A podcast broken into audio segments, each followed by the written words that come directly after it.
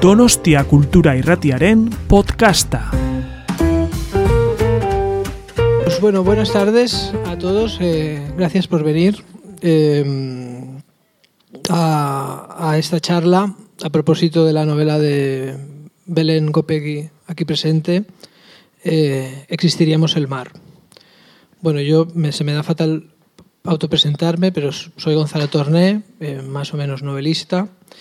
Y, lo que planteo, o que lo que podemos plantear hoy es una, es una charla, ya digo, a propósito de esta novela, Existiríamos el mar, eh, que parece que ha salido por, por nuestras dinámicas editoriales eh, hace mucho, pero que en el fondo es de septiembre de 2021, o sea que, que en una tradición literaria que tiene 2000 años, pues es, es un bebé. Esta novela es un bebé. En cualquier caso, la novela está muy bien, resumida en, la contra. Os leo, eh, y ha sido muy comentada y ha sido reseñada y demás.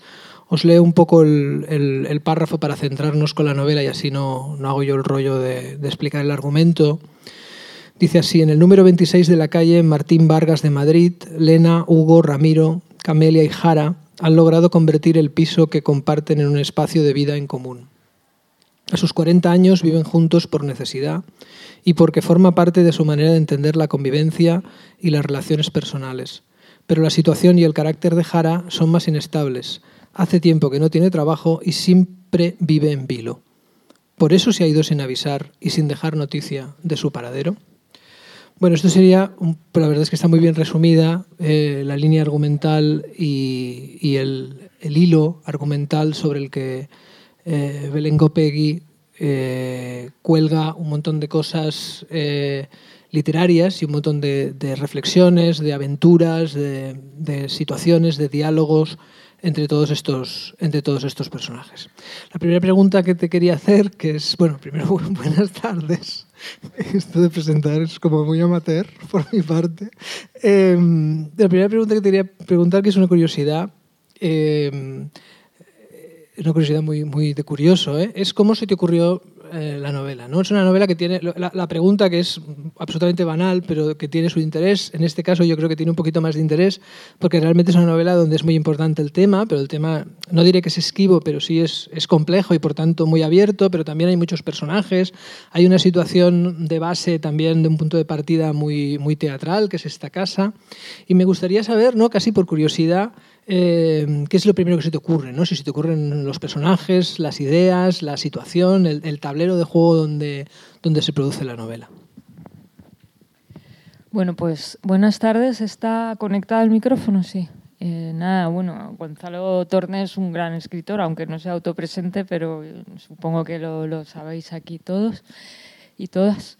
Y no, no, no tengo no tengo un momento de, revelación, ¿no? De, sí que quería contar un grupo de gente que estuviera conviviendo, porque sí que me interesaba ensayar un sujeto diferente a un protagonista tradicional, por así decir, y, y esto sí que lo tenía en la cabeza, pero mm, qué tenía que pasar y, digamos, el mapa de la novela lo, lo voy haciendo a medida que la escribo. Otra cosa que, bueno, antes, antes de la pregunta, eh, digamos, me gustaría hacer una pequeña reflexión, ¿no? Tenemos novelas históricas que generalmente están situadas en el pasado, pues, fundamentalmente en nuestra tradición literaria la guerra civil, aunque también tenemos novelas carlistas, y luego tenemos novelas ahistóricas, ¿no? Novelas de, pues, de tipo confesional o experiencial, eh, muy, muy casi casi fuera del tiempo, ¿no? Las novelas, digamos que que, son paseos por dentro de la propia literatura o las novelas pues, que hablan de una confesión personal o demás. Eh, yo creo que casi no tenemos palabra para un género muy difícil, que es una novela histórica situada en, en la historia, reconocible en, en, un momento histórico determinado, que es casi casi la raya del presente, ¿no? que es lo que sucede en muchas de tus novelas y que yo creo que es lo que sucede en Existiríamos el mar. Es una novela que que aunque tenga, aunque se pueda leer de aquí 20 años o se podría ver, no, no, podría estar situada hace 40 años, creo. Es decir, tú trabajas sobre con problemas del presente, hay una mención creo que hay incluso una mención a la pandemia, pero en cualquier caso estás hablando de un momento histórico eh, determinado, pero, pero muy pegado, ¿no? Te quería preguntar sobre, sobre, por un lado, la dificultad de eso y por otro, el, el desafío o el interés, no sé si desafío es la palabra, pero el interés que, que, tienes con eso, porque ya sabéis que hay un tópico, ¿no? que es que la, es la distancia a veces la que nos permite, la que nos permite eh, explicar o, o, pensar las cosas. ¿no? Quería que, preguntarte qué gestión tienes con, con, Es verdad que no es una novela de acontecimientos históricos, ¿no? pero es una novela situada en un tiempo reconocible, que es, que es nuestra actualidad. Sí, yo, siempre he trabajado ahí. Yo creo que excepto en Lo Real, que es una novela mía que se remontaba un poco hacia atrás, aunque luego llegaba a alcanzar el, presente del momento en que se escribía, pero siempre he trabajado ahí porque, bueno, cada, cada persona tiene sus talentos o sus habilidades o lo que sea, ¿no?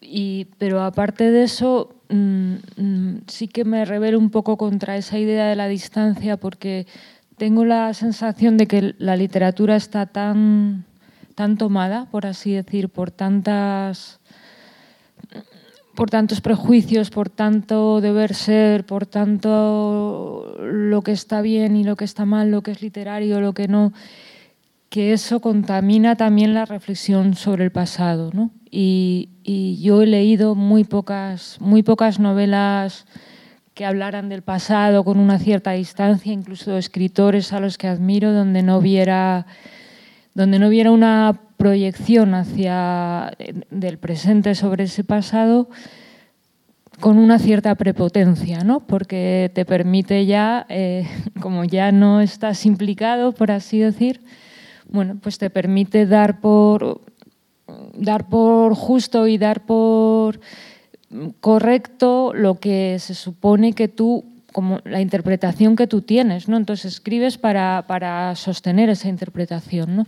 Por lo menos eso es lo que me parece. Y creo que cuando escribes al hilo del presente, hay cosas que tienes que contar tal como son y, luego lo que sumas es tu visión, ¿no? Pero por ejemplo, yo cuando escribí La conquista del aire, que es una novela que está fechada, por así decir, porque es el cambio de cuando pierde el PSOE las elecciones y gana el PP, 96-90, eh, los personajes, yo conté a unos personajes de ese momento, ¿no? Y hoy muchas personas intentan comparar esta novela con, con la otra y la verdad es que la comparación es es muy significativa con respecto a lo, que, a lo que nos ha pasado, porque esos personajes, bueno, eran de lo que, lo que podíamos llamar clase media, pero eh, comparado con estos eran unos potentados, ¿no? Y mm, creo que, que ese análisis es más honesto que lo haga el tiempo a que no que lo haga uno. O sea, si yo hoy escribiera una novela sobre cómo nos veíamos en los 90 y qué felices éramos y que creo que me costaría mucho eh, librarme de, de, todos esos filtros que no son nuestros al final. Y como en una novela tienes que estar todo el rato, al menos yo escribo así, preguntándote qué es lo que cuentas y qué es lo que está contando por ti y revelándote contra eso, si además tengo que añadirle la distancia al tiempo, pues ya no daría abasto. ¿no? A lo mejor sí que hay autores que, que lo saben. Es verdad que es un género que tampoco frecuento demasiado, ¿no? entonces mejor hay gente que lo hace bien, pero las, los que yo he leído no me han convencido. Sí, es verdad, es como, como eso, ¿no? Como si la distancia te diera te diera la, la posición de, juiz, de, juez, ¿no? Como si sí. que estás, estás eh, trabajando sobre cartas que están, que están sobre la mesa. Antes has, has bueno, antes no, hace, hace escasos 20 segundos has, has comentado que, que la, la, literatura está como tomada por una serie de lugares comunes o de sitios comunes. Yo creo que um, um, estaría interesante um, comentar algunos yo al hilo de la charla, ¿eh? no, no, no hacer una, una, una conversación únicamente de destrucción. De, pero me viene, me viene bien porque, porque la siguiente pregunta que te quería hacer es, um, es que tus novelas pasan, luego lo, lo podemos matizar, por novelas eh, políticas en, en sentido amplio. Bueno, ya, ya, estoy matizándolo antes de empezar a hacer la pregunta, pero quiero decir, no solamente novelas sociales de descripción de lo que pasa, digamos, en una escalera o entre clases sociales, sino de, de política en el sentido de, de, juego de prioridades dentro de una, una esfera social. Eh, en cualquier caso, sea, sea, te reconozcas o no como, como escritora eh, en, este, en este campo, sí que, sí que hay una preocupación social y política. Y te quería preguntar por una cosa muy llamativa cuando abres el libro, que, es que mmm, da la sensación o parece que a veces se crea, en, tanto en críticos o en medios, una especie de distancia entre una literatura, digamos, social, austera, preocupada, y luego una especie de literatura eh, fundamentalmente preocupada por lo literario, sea sé lo que eso significa, pero que parece algo así como el trabajo del estilo o la belleza del estilo o algo, algo vagamente intemporal. ¿no?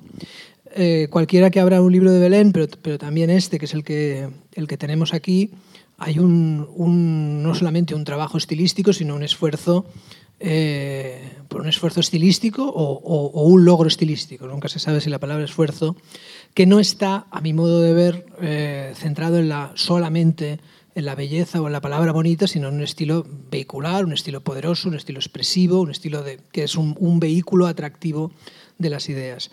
Eh, bueno, lo que te quería preguntar es cómo ves sobre todo cuando lo lees, porque es no, no solamente en relación a tus novelas, pero es muy insistente, cómo podemos desactivar esa idea de que hay una especie como de dos escuelas, una escuela de la berza, por decirlo así, una escuela austera y que se dedica al estudio de la sociedad y demás, y muy, como muy enforroñada siempre, y en cambio una especie de estilo eh, Oscar Wildiano sin pasar por Oscar Wilde, que sí que era un escritor muy preocupado por lo que pasaba en la sociedad en su tiempo, pero que se fijaría más en eso, en el estilo como una especie de belleza intemporal y demás.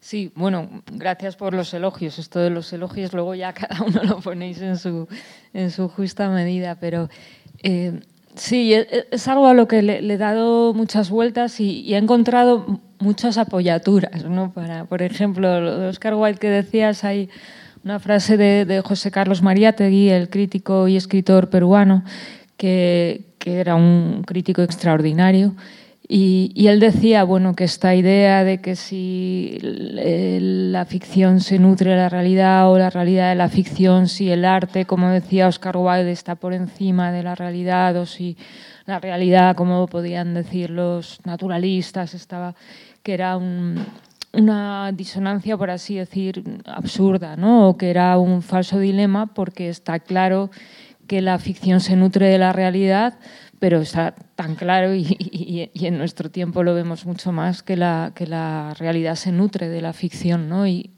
no, no, no, no tiene por qué haber oposición. ¿no? Y esa oposición creo que tampoco tiene que darse eh, con respecto a, a, las potencias, por así decir, con que se trabaja, porque, porque precisa, es más, creo que casi tendría que ser al contrario. Y de hecho, eh, bueno, quien también tiene una prosa muy limpia y muy eh, funcional, o no sé cómo llamarlo, es toda la literatura del bestseller, ¿no? Nadie mm, considera que eso sea berza.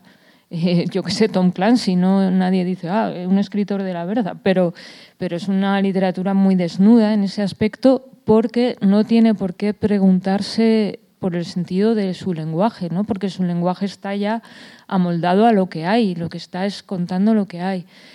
Eh, y al revés, o sea, escritores considerados de la Berza, como Jesús López Pacheco, que escribió El móvil, que es la novela más revolucionaria, experimental y, y, y, extraordinaria que haya habido mucho tiempo, ¿no? y con un lenguaje eh, mezclado de poesía, de todo tipo de recursos y, o no sé, en otro registro, pues Armando López Salinas, no, te puede gustar o no, pero no, no es en absoluto una novela, una literatura de sujeto, verbo y predicado con adjetivos comunes, sino que están trabajados por lo mismo, porque se está preguntando por qué dice cada cosa, ¿no? Entonces, creo que si hubiera que hacer una escala, pues aquella literatura que, que quiere ir digamos, en contra de lo que hay o que tiene otra propuesta, eh, es lógico que también la tenga con respecto a los medios que utiliza, porque esos medios nos, nos conforman. ¿no? otra, otra manera que, que, he visto ¿no? de, de, de, explicar esto no es ese verso de, de Bertolt Brecht muy conocido que es algo así, a ver si me lo sé, como en mi combate, en el entusiasmo por el manzano en flor y el horror a los discursos de brocha gorda. ¿no? Pero solo este último me impulsa a escribir. A mí que me gusta mucho Bertolt Brecht, en, este caso creo que se le puede llevar muy bien la contraria, porque incluso con respecto a su propia literatura, no, eh, eh, es que el horror a los discursos del pintor de brocha gorda surge precisamente porque te importa el manzano, la vida, eh, la juerga, lo que quieras, ¿no? Porque si no, ¿qué más te da? Que los maten a todos y te maten a ti. Si no tienes una cierta idea de, cómo puede resplandecer la vida, pues no. Y eso, eso es lo que yo creo que está. Las dos cosas están unidas, ¿no? Y de hecho Bertolt Brecht lo hace, ¿no? No escribe contra Hitler diciendo qué horror es Hitler, qué malo es, sino que crea artefactos de todo tipo, pero también con muchísima potencia lingüística para, para desactivarlo.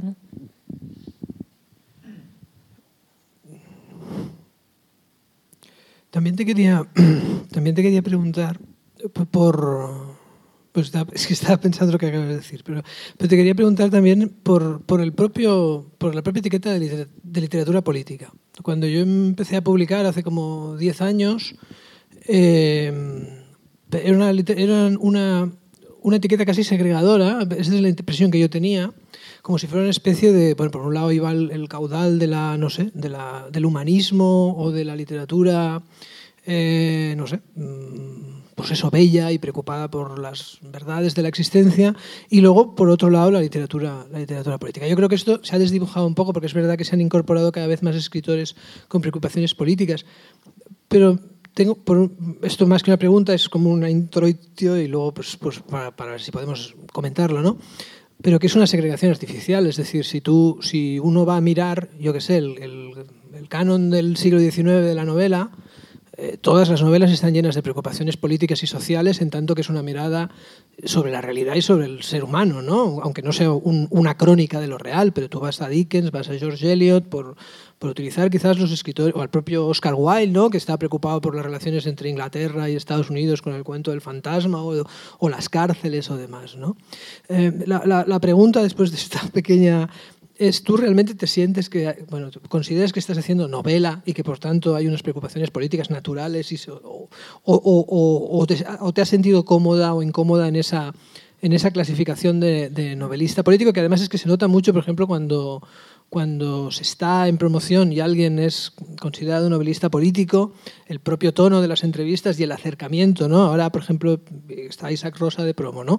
Pues no es... Yo creo que esto ha mejorado, digamos, en los últimos, pero, pero sigue siendo una especie como, no sé si de segregación o de... O de por un lado, de situar, de situarte o situaros o situarnos en un espacio como si no hiciéramos hiciéramos una cosa rara que no ha hecho nadie, y por otro lado también como de no preguntarnos sobre eso, sobre los recursos de las historias o sobre... Entonces, al final, al final viene la pregunta, además de todo esto, ¿qué, qué entiendes por, por, literatura política? ¿no? Si es que, o, entiendes o cómo entiendes lo político en, en, tu literatura.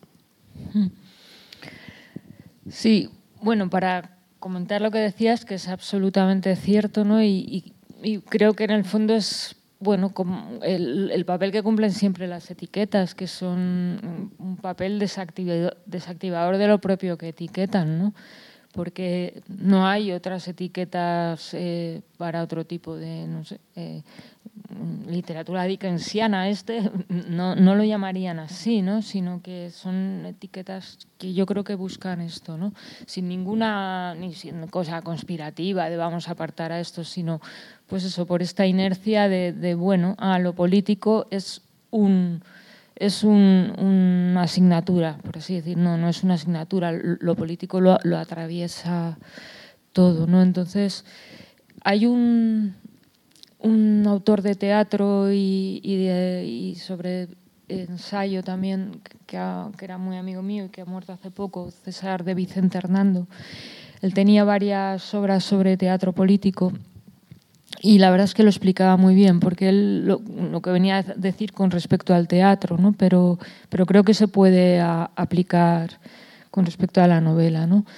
lo, lo, que el teatro político hace es discutir las relaciones de poder. Si no discutes las relaciones de poder, pues puedes hacer eso, una, una gran novela sobre lo mal que viven en el barrio de no sé dónde y, que además cómo viven sin luz cuando se la cortan. Y, pero si eso no lleva a, a, plantear la relación que hay entre quien tiene el poder para cortar la luz y quien tiene el poder para no hacer nada cuando se corta la luz y quien tiene el poder para eh, pues no, no, sería una obra de teatro política en el criterio de, César de Vicente. Yo creo que, que, en las novelas es una forma breve y, fácil de decirlo, pero muy clara. ¿no? O sea, aquellas novelas que... Por eso yo creo que a veces se ha producido esta identificación con lo que yo llamaba antes, porque ahora ya no sé ni cómo se llama ese ministerio, ¿no? pero en, el Ministerio de Asuntos Sociales, ¿no? o sea, las novelas que, entrarían dentro de, eso, de, ese ministerio, ¿no? Pues si hay drogadictos o si hay eh, gente que no marginal o si hay... Eh, son novelas sociales y como meten todo en el mismo saco, pues son novelas políticas. No, no. Y, y con las películas pasa igual. Eh, pues hay, hay películas Incluso hay películas que pretenden estar cuestionando el poder y no lo están cuestionando. Por lo tanto, no es el hecho de que traten el tema, no sé, pongo un ejemplo que lo podemos discutir después, pero por ejemplo, El buen patrón, a mí no me parece que sea una película que esté cuestionando ningún tipo de relación de poder, aunque parezca que sí, porque una cosa es abordarla como tema y otra cosa es cuestionarla. Para eso tienes que construir un antagonismo que no sea una caricatura, porque si es una caricatura lo único que estás es subrayando a un personaje que ya has creado, ¿no? Entonces, eh, bueno, pues eso, creo que, se trata de, entrar en ese tema desde cualquier ángulo pero y, crear un antagonismo que, tenga una cierta fuerza, porque si no, no hay cuestionamiento.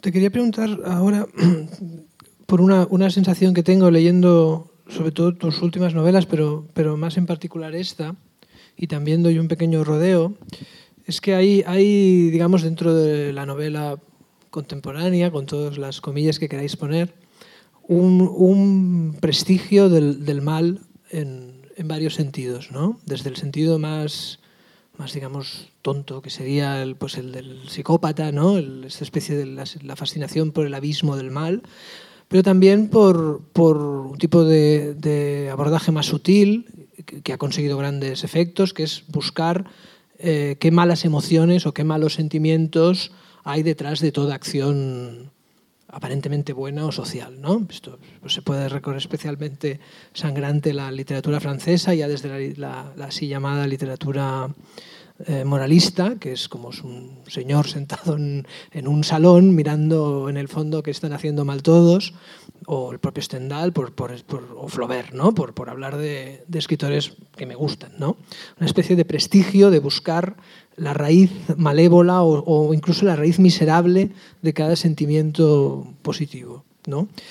Yo eh, creo localizar, no, no localizar, no, no, creo ver en, en, este libro, y digo localizar porque lo asocio, me parece que lo hemos comentado alguna vez, lo asocio con otros escritores, de, por ejemplo, Ali Smith, que, que creo que también trabaja en una línea completamente distinta a la de Belén Gopey, pero, pero en ese sentido parecido. No te diré tanto una reivindicación del bien, porque es una palabra que podemos extendernos con esta, también colonizada y, y que asusta un poco, ¿no? Pero sí una, una, una, especie de reivindicación, de, ni siquiera reivindicación, también es una palabra muy complicada, ¿no? Hay que ir como, como es, pero nuestro trabajo no hay que ir como esquivando, ¿no? Pero sí una, una escenificación, en el, en el sentido de que la novela es una representación eh, de, de, de, esos buenos sentimientos que hay detrás de la política, de la amistad, de las relaciones personales, ¿no? Uno tiene la sensación de que otros escritores, si llegan a juntar en una casa de Martín de Vargas, Alena, Hugo, Ramiro, Camelia y Jara, pues hubieran trabajado sobre todo eh, ese juego de mezquindades ¿no? que hace que todo eh, salga mal y que generalmente es psicologizable además. ¿no? Y en cambio aquí, sin, sin que hayan, no hay, hay dificultades, es decir, creo que estás muy lejos del buenismo, eh, sí que hay un intento de, de llegar a, a cosas buenas, digamos, o a cosas provechosas o a cosas útiles, es difícil encontrar la palabra. Entonces quería preguntarte por esto, quería preguntarte si, si eh, trabajabas con ese horizonte o, o, si, o si forma parte, y también esa propia idea, no sé, del, del del bien, no sé cómo, del bien político del, o, o, o, cómo lo hacemos, ¿no? Para limpiar ese, no tampoco sé si limpiar es la palabra, pero bueno, para, ya me está, creo que me están entendiendo y si no, pues... Sí, sí, vamos, yo te entiendo muy bien y, es verdad que es muy significativo eso, todo tipo de rodeos y de protecciones que hay que desplegar a la hora de hablar de esto para protegerse de que no te llamen ingenuo o ingenua, que no te llamen todo tipo de como mientras que eso no ocurre si uno habla del mal, que también podría ocurrir, ¿no? Bueno, hablo del mal, pero me voy a proteger para no, eso está perfectamente legitimado, ¿no? Y esa falta, ese desequilibrio ya es llamativo, ¿no? Yo estaba leyendo estos días porque recordaba haberlo leído hace mucho y, y, no y hasta que he averiguado dónde lo leí, y claro, con toda esta situación que tenemos, no sé si recordáis aquel artículo de, de Canetti que está en la conciencia de las palabras, que se llama La profesión de escritor, que es muy gracioso porque es, un, lo, lo, lo, es una conferencia que da en 1976 y dice como que es la palabra más desprestigiada que existe, escritor, que ya la gente no se llama a sí misma escritor, sino alguien que escribe. ¿no? Y, y, bueno, pero el caso es que eh, habla de, de, que ha encontrado una nota de, de, un escritor anónimo que nadie sabe quién es, o sea, que es, no, no ha llegado a triunfar ni a nada, ¿no? Que dice, eh, escrita en 1939, ¿no? y que dice, ya no hay nada que hacer. Si de verdad fuera escritor, debería poder impedir la guerra. ¿no? Y entonces él dice que cuando lo lee, lo primero que hace es indignarse, ¿no? Vaya tío más fatuo y más...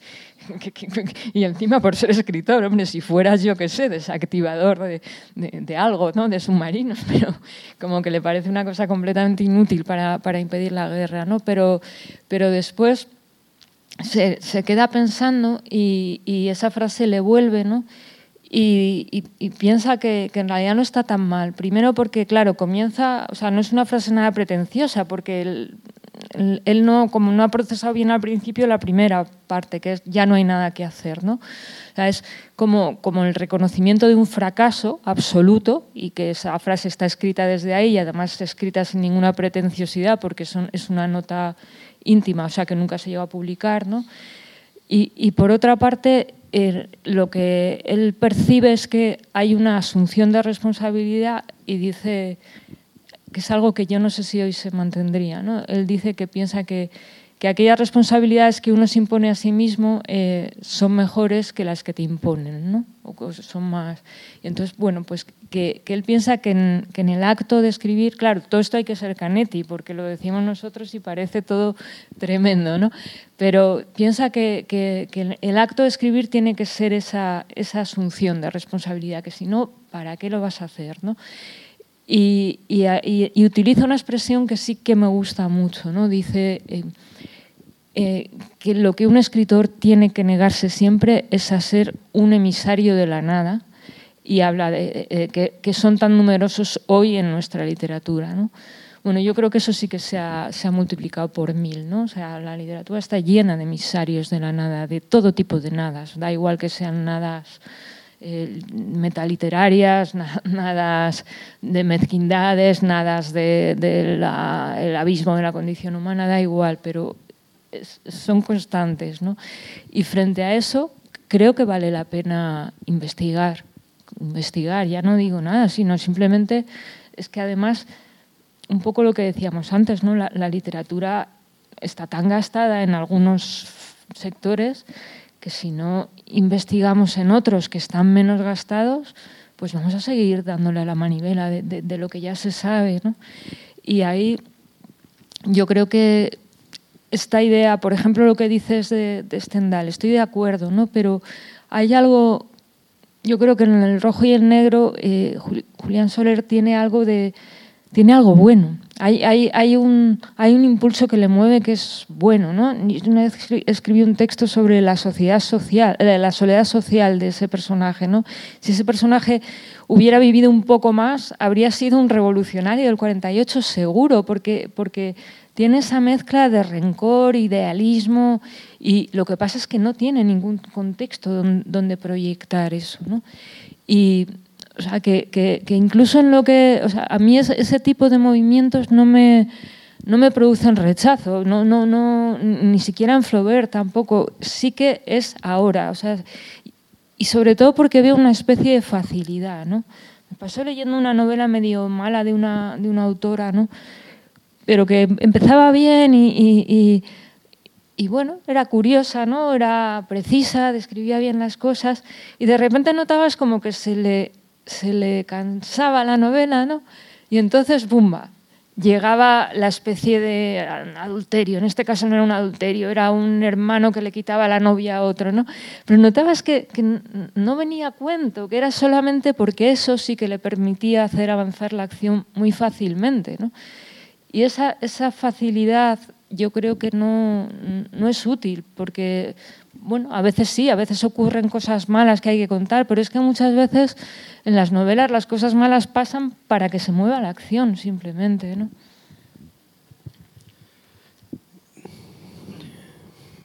Em, sí, es que me he quedado con lo de los emisarios, los emisarios de la nada, sí. No, y es verdad lo que dices del descubrimiento. En el fondo, lo, lo, lo, que, lo que no es, no es censurable es que, no sé, que que además de que es verdad lo que dices de Sorel, ¿no? pero en el caso de Stendhal, ¿no? cuando en el del amor ¿no? pues señala que todo es ilusión, está haciendo un descubrimiento.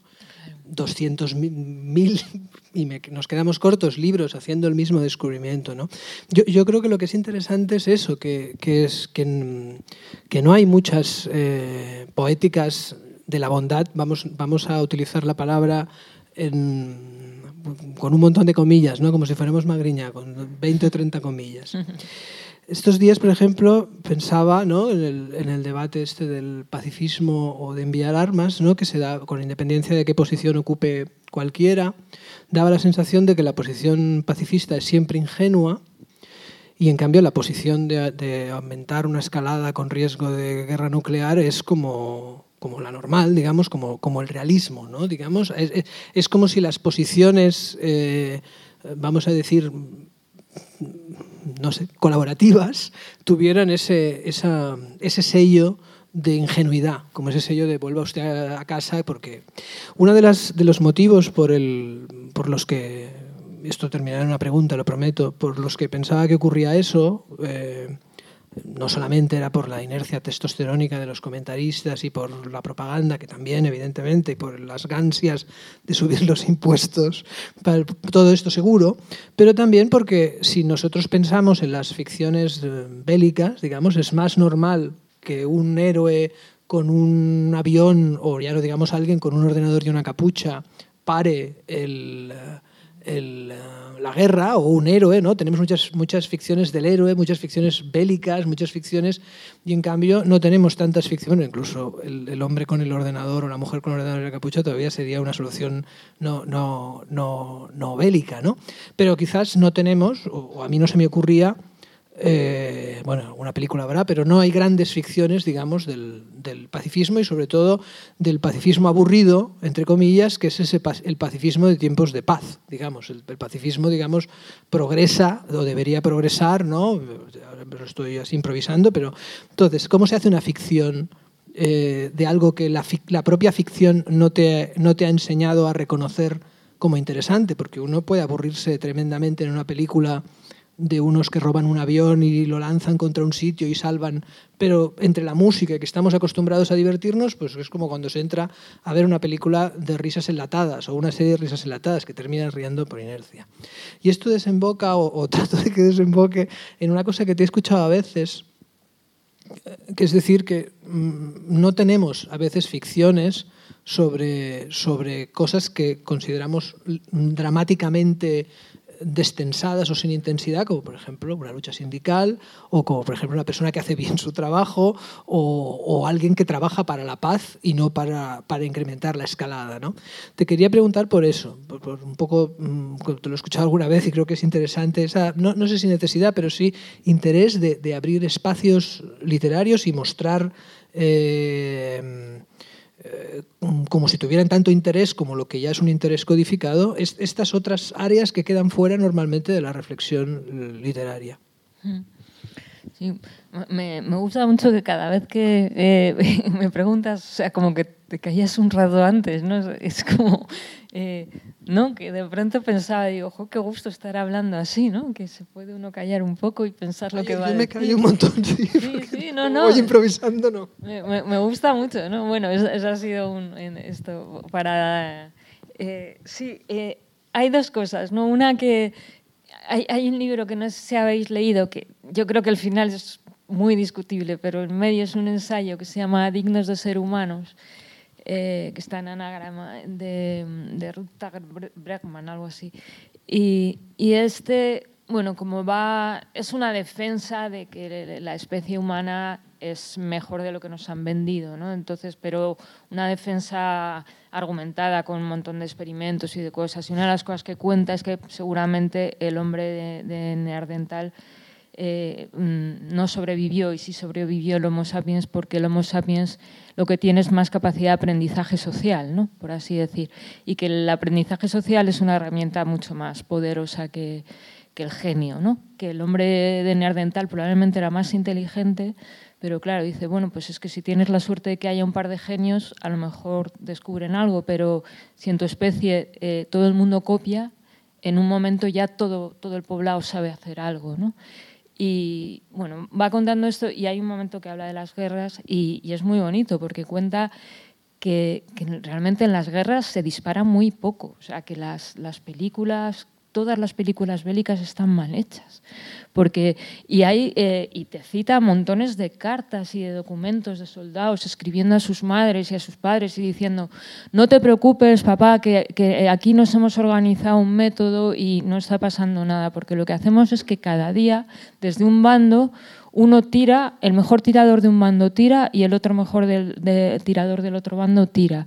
Que es como una forma de decir, os podríamos matar, pero no os vamos a matar porque no tenemos ningún interés, porque no tenemos ningún interés en que nos matéis. ¿no? Y, y, esto pasa en España, pasa en Francia, pasa... O sea, los soldados por distintos caminos llegan a esos mismos métodos de diferentes maneras. Y eh, muchas, los, claro, los jefes dicen, esto no puede ser tienen que y, el argumento que usan siempre los, los, altos mandos para obligarles a disparar es que son el único regimiento que está haciendo eso, eso es una vergüenza, no lo pueden hacer, van a ir todos, eh, les van a hacer un consejo de guerra a todos y en ese momento no tienen forma de averiguar que no son los únicos, que, se está haciendo eso en casi todos los regimientos. Se lo contaba a un amigo y me decía que, que, su abuelo tenía cartas sobre lo mismo en la Guerra Civil Española, ¿no? de, de este tipo de métodos. ¿no? Entonces, bueno, que son cosas que sí, que tenemos una película de una tregua que se hace en Navidad y, y, y encima con fama de cursi, ¿no?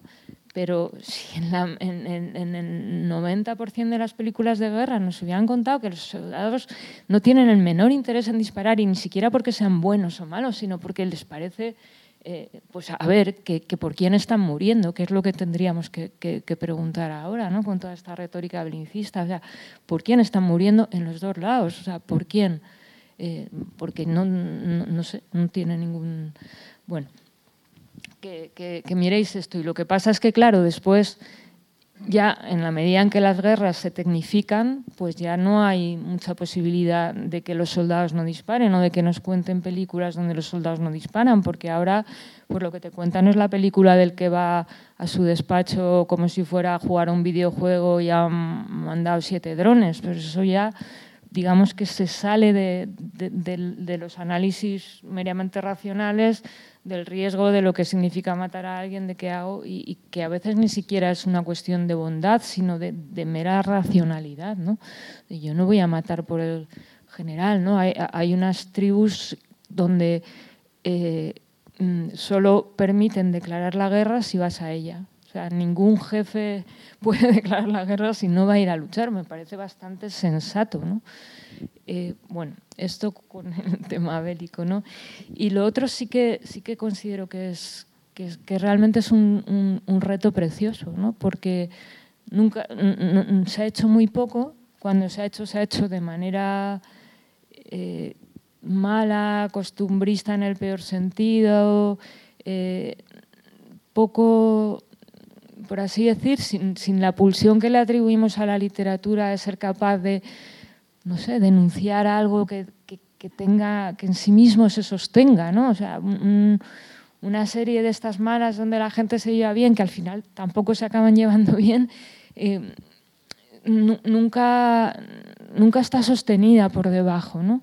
Entonces, yo creo que, que, trabajar esas cosas sería muy importante porque si no, eh, eh, la inercia que tenemos es, es la que tenemos. ¿no? Y porque además no hay que olvidar que, no sé, que la agresividad, por ejemplo, es, es algo súper emocionante, eh, poderoso, no, no, no, tengo nada contra la agresividad cuando se usa bien. Lo, lo, lo, malo es la agresividad sin control, la agresividad que se usa contra el débil, la agresividad que se usa mal, pero, pero en, en las narraciones como que no se distingue, ¿no? Voy a hablar de la agresividad, voy a hablar de la perversión, voy a hablar, pero ¿para qué? Y esa parte no se trata. ¿no? Yo, eh, le voy dando vueltas porque hicimos como una especie de, de, previa a esta charla y dijiste una cosa y yo voy dando vueltas a ver si la repites, pero claro, como no la repites, la, voy a decir yo. Muy bien. Eh, eh, ¿Qué era que me dijiste? O bueno, me dijiste al auditorio, pero estaba yo, por tanto, me lo dijiste también a mí, que ah, eso no, que eh, cogemos un concepto, ¿no? La, la bondad en este caso, ¿no? al azar, escojo la bondad al azar. Y, y, y, pero claro, la bondad son muchas cosas. Pero dijiste una cosa que me, me llamó mucho la atención, y, bueno, no, no, es ni una pregunta, solamente para que quede en acta, que, que la bondad es firme. No, no, sé si se te ocurre expandirlo, porque me pareció una cosa muy, muy interesante. Sí, sí, bueno, eso viene de, un comentario que me hizo alguien y que se me quedó grabada. Cuando yo, yo acabo de publicar la primera novela y se me quedó grabada, estaban hablando de un periodista que aún sigue vivo, pero cuyo nombre no voy a decir, y otra persona que ya murió, me, que era Rafael Conte, me dijo, eh, fulanito, eh, no es bueno porque no es firme, es demasiado débil para ser bueno, ¿no? Y me lo dijo así, como hablando de otra cosa, ¿no? Y se me quedó. Y, y, claro, y desde entonces lo, he observado mucho, lo he desarrollado, lo he tratado y es que es así, ¿no? Eh, yo creo que uno de los sitios más fáciles donde se ve la pequeña maldad, que al final es la que mueve las relaciones, es en el reír las gracias del jefe o del fuerte o del... Ser capaz de no reír esas gracias exige una firmeza, exige un valor que, que, no se suele atribuir a la bondad. Parece que el bueno es el, el buenecito eh, está lleno de, de, de, esos componentes, ¿no? Y, y, no, yo creo que hay que, hay que ser muy firme para, para, cuando alguien está haciendo una gracia sobre otro que es más débil o sobre otro que está, o un chiste malo, o malo en el sentido de que no nos hace gracia porque está de alguna forma criticando a alguien que no no, poner cara de perro, o sea, ya, ya no digo ni siquiera eh, enfrentarse, que ya para enfrentarse también, pero parece que cuando nos enfrentamos ya, ya no, no se enfrenta alguien desde la bondad, y no sé si no desde que se enfrenta, ¿no? O sea, no sé por qué la bondad ha sido, bueno, sí lo sé, pero que es un buen tema para pensarlo, porque ha sido despojada de todas las otras características, como si no las tuviera, o sea, porque el, el malvado, pues además es violento y además es... Y, y, y el bueno, ¿por qué no puede ser violento a veces cuando hay que serlo? Eh, parece que no, que tiene que ser un santo levitante. No, no es así, ¿no? No es, as, no es la bondad que respetamos, yo creo. Pues muchas gracias y un... Me gustaría darte las gracias porque, porque Gonzalo Torné no es solo un moderador, ni mucho menos es un es un novelista interesantísimo y, y, es un placer poder estar aquí hablando y aprendiendo juntos.